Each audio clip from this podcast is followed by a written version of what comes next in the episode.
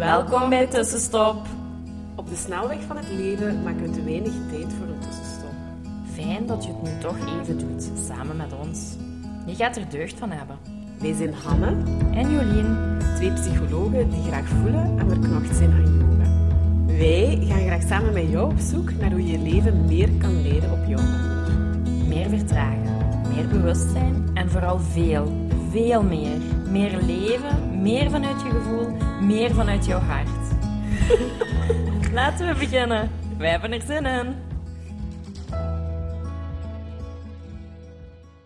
Hallo, hallo, hallo. Welkom bij podcast 24 al. Ja, We zeiden net, dat is bijna zes maand. Dus dat is wel eh, cool, hè? ja, dat is al een kleine gewoonte die erin hè? Ja, dat is echt dat we elkaar eh, op wekelijkse, of zo goed als wekelijkse basis zien voor eh, een podcast online te zetten. Hè? Ja. En vandaag willen we een beetje een deep dive doen in meer de psychologie, hè? vooral eh, de gedragstherapie. Hè? Mhm. Over conditionering.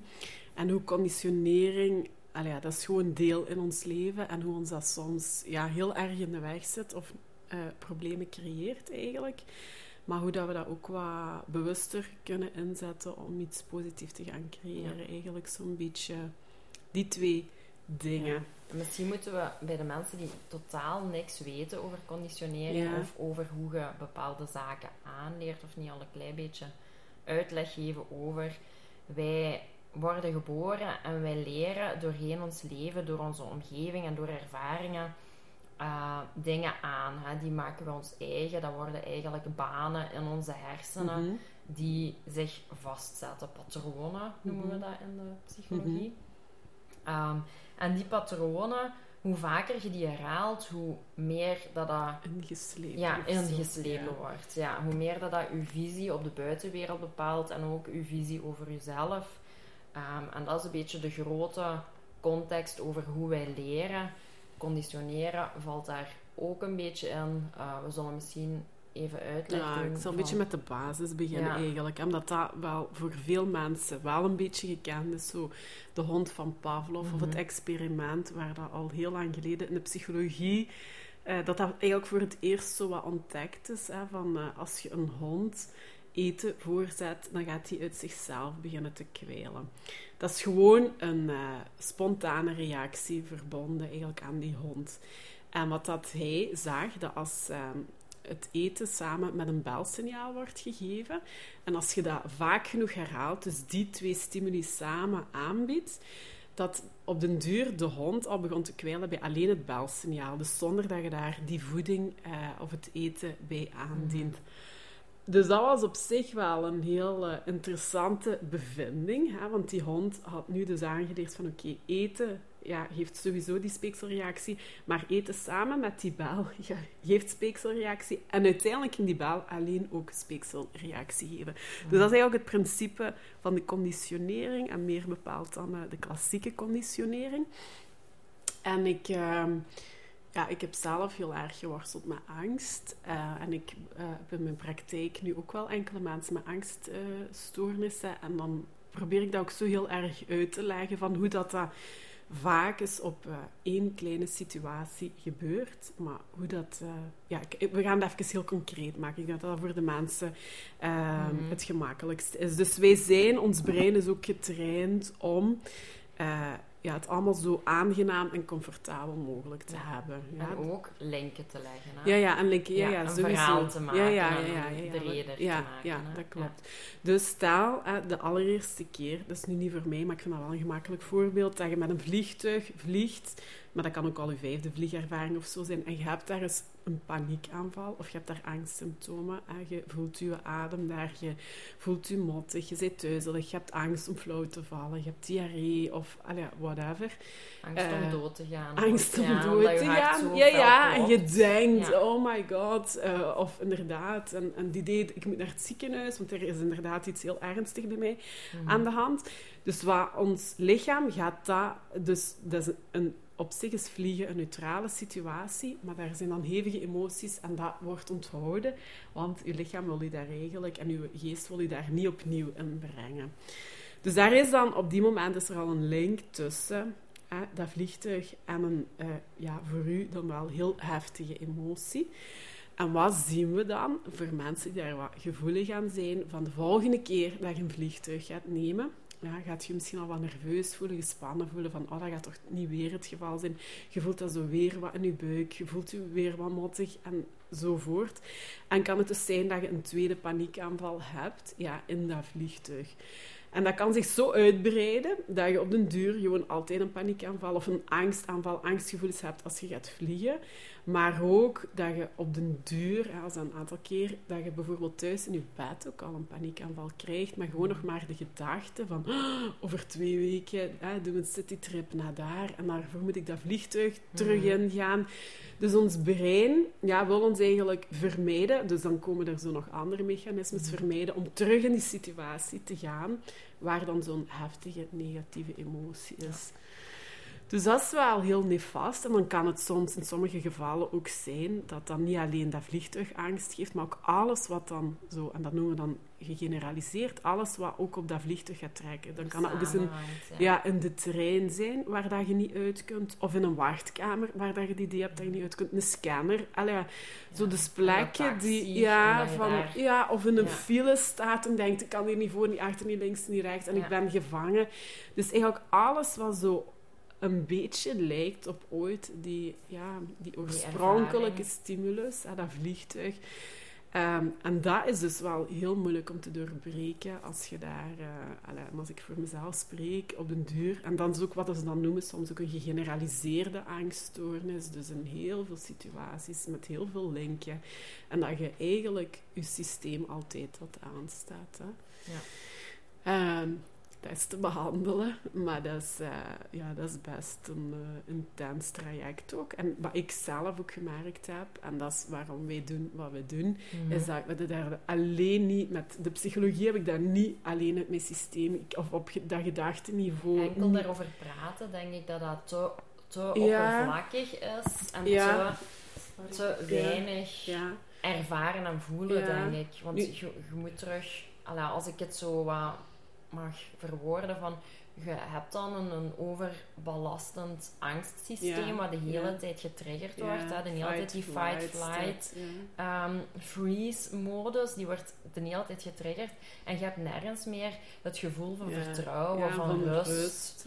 Ook- Van hier ben ik veilig. Dat, dat gevoel heb je niet meer, waardoor dat die hersenbanen alleen maar versterkt worden in onveiligheid, paniek, Ja. angst. Ja. En bij te praten gaat je heel vaak in onze gesprekken over moeilijkheden Ja. praten. En dat wordt ook getriggerd, denk Ja. ik.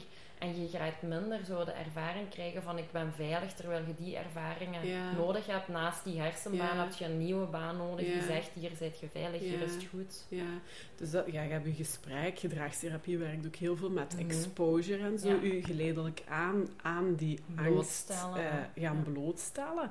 Maar zelfs dan nog, eh, ook dat heb ik gedaan ooit bij een, een ja, collega gedragstherapeut. En zelfs dat had mij toen onvoldoende geholpen. En het Mhm. was pas door... Maar goed, hè, we hebben het al vaak gezegd. Wij zijn ook, allee, dat, is, dat is een overtuiging, dat is een waarheid. Van dat stress, dat zit ook gewoon keihard in Je lijf. Ja. En het is pas door te gaan eh, fysiek yoga te gaan doen, door te leren ontspannen, door daar dingen uit te bewegen of in beweging te brengen, in combinatie dan eigenlijk met mediteren, dat er echt herstel in is Mhm. gekomen. Dus dat maakt ja, dat wij doen wat we doen en dat we daar ook zo'n beetje heel erg van overtuigd zijn. En, ehm, Door Ja. ook ervaring. Hè. Ik Ja, denk dat u door- dat heel veel heeft geholpen om zo je angstniveau naar beneden te halen.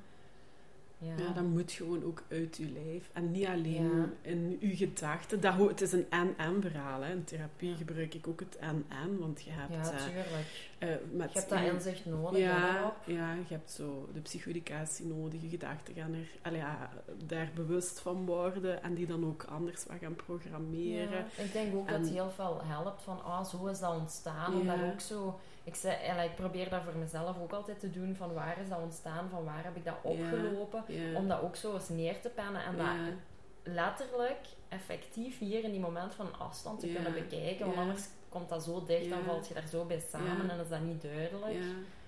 En dan is het een moment van actie en naar het hier en nu. En als je een beetje weet, oké, daar is ooit ontstaan en die mechanismes werken zo. En oké, hoe kunnen we dat dan eigenlijk nu uh, gaan aanpakken? Hè?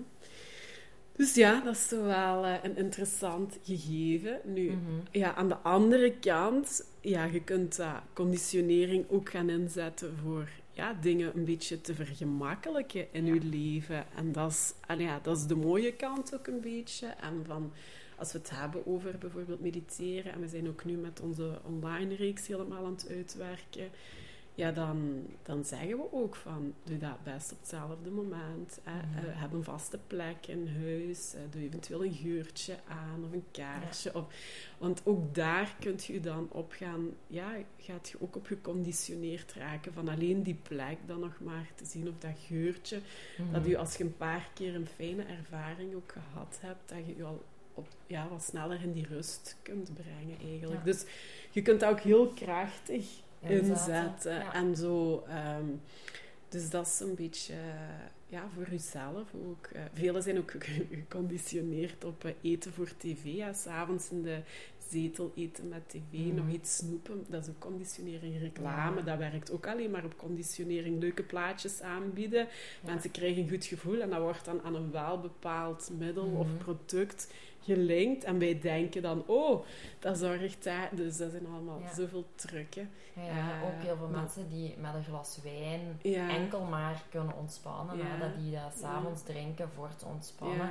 Ik heb dat ook een hele tijd gedaan. Hè, dat ik zo s'avonds richting de zetel altijd een glas rode wijn mee moest hebben. En dat ik dan pas kon ontspannen. Dat, zo, dat was ook gewoon geconditioneerd. Ja, ooit gaat de eerste keer gaat je wel wat ervaren hebben dat die wijn Oh, inderdaad fijn, wel wat en dat smaakt lekker en dat, ge, dat laat je al gauw laat je een beetje zakken. Hè? Ja.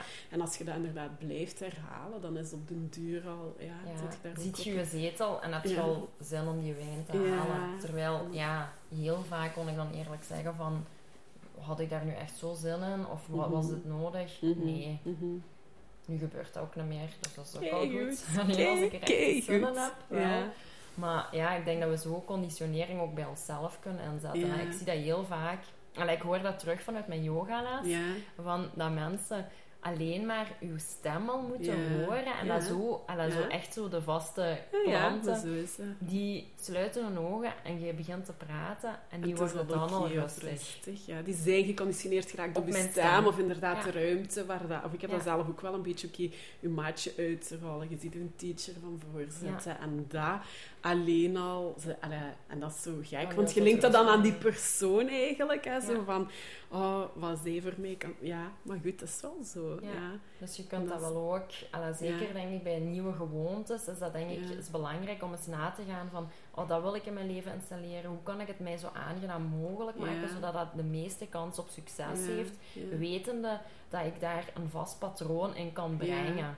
En dat ik daar ook wel ja, iets kan rondmaken. Een, een geluid, een geur. Iets wat mij triggert, dat mij daaraan doet de- denken. En Mhm. wat de drempel weer zo Mhm, mhm. makkelijker maakt. Dus voilà, dat is eigenlijk een klein beetje wat psychologie eh, over eh, conditionering. Nu, het is misschien, want dat is eigenlijk ook wel iets heel uitgebreid, misschien dat we daar nog wel eens over Mhm. kunnen hebben. Ja. Of eh, stel dat je op basis van deze aflevering daar een vraag of een specifiek of een eigen verhaal, of we kunnen daar ook wel eens samen naar kijken of zoiets ont- ontleden in een volgende podcast. Dus laat ons dat dan zeker weten als je hierdoor wat getriggerd bent of nog iets meer over wil weten of Mhm. hoe we dat... en dan, ja, hebben we het daar graag nog wel eens over. Hè? Je kan je nog steeds inschrijven Ja. voor onze super waardevolle meditatiecursus. Ja. Want iedere week als wij opgenomen hebben, dan echt. denk ik van... Wow, als dit alla, Ja. iemand zou aanbieden, Ja. dan zou ik dat meteen, daar zou ik Ja. meteen voor gaan. ja, dat is echt... We zitten zo... Dat is echt... Ja. Omdat we van alles thema's. delen. Zo weet je, eh, het gaat inderdaad, we doen 21 verschillende meditaties. Dus je gaat echt, als je zegt, ik wil leren mediteren, maar begot geen idee hoe of wat. En, en wat ligt mij, dan is het gewoon echt de uitgelezen kans om met van alles even te ervaren. Ja, en te, te zeggen, oké, dit experimenteren. echt niet, maar dan dat wel. Ja. Eh, dat enerzijds, maar ja, we gaan daar ook gewoon best wel veel dingen in uitleggen over Ja. ja. een stukje mediteren, maar ook zo psychologie komt ook wel een aantal keren terug. En ja, en we doen het eigenlijk voor mensen die op de wachtlijst staan, bieden voor 21 dagen voor 44 euro iets aan. Dat is eigenlijk nog geen 2 euro per... Of, ja, ofwel 2 euro. 2 euro. Just, per dag. ja, 2 euro niet. per dag. Ja, Eh, allee, ja, dat is echt... Ja, dat is een beetje peanuts of zo, als ik daar zo over nadenk. hè. Ehm, als je kiest ook voor de ondersteuning in de, in de Facebook, ja, dan is het 59 euro tenzij dat je op de wachtlijst staat. En als je het ook echt heel persoonlijk wilt maken, want wij, er zijn heel veel meditaties met wel bepaalde effecten, Ja. met voor heel specifieke problemen of vragen. En daarvoor hebben we dan een, zo'n het eh, Bliss-programma Heel ontwikkeld één op één, eh, zodat je in die tijd dan ook een, eh, een meditatie heel specifiek op uw vraag of op uw klacht kunt krijgen. En ja, om die dan op 40 dagen ook te doen. Mhm. En wij zoeken dat dan uit op basis ja, van wat het uw vraag is. En dan zien we elkaar drie keer 20 minuutjes online. En dan, ja... Dus we kunnen eigenlijk alleen maar eh, ja, zeggen, schrijf je Ja. gewoon in. Het is echt een kleine prijs. We gaan Voel echt- het, ja. voor jezelf. Geef het cadeau aan iemand anders. Eh, we starten 7 januari. Het is ook gewoon een mooie start van een stukje een, een nieuw jaar. Ja. Ehm, We gaan om echt jezelf- heel veel delen. Ja. Ik denk zelfs zo tijdens die live zaken dat we nog dingen gaan delen Ja, die we denken van oh dat is Ja. super belangrijk. Dus, en basis ook als er de vragen, vragen, komen, ja. dan gaan we daar ook. Alla, dus ja, ik denk. Je Ja. kunt niet gekloot zijn. Nee. heel mooi verwoord. Ah, voilà. Oké, hierbij houden we het voor vandaag. Tot en wij volgende horen week. jullie graag volgende week. Bye Tada! Dankjewel voor het luisteren. Laat ons weten wat jou geïnspireerd heeft en welke tips en tricks jij gaat toepassen. Je doet ons heel veel plezier met onze tag op Instagram. En een review achter te laten. Tot de volgende keer.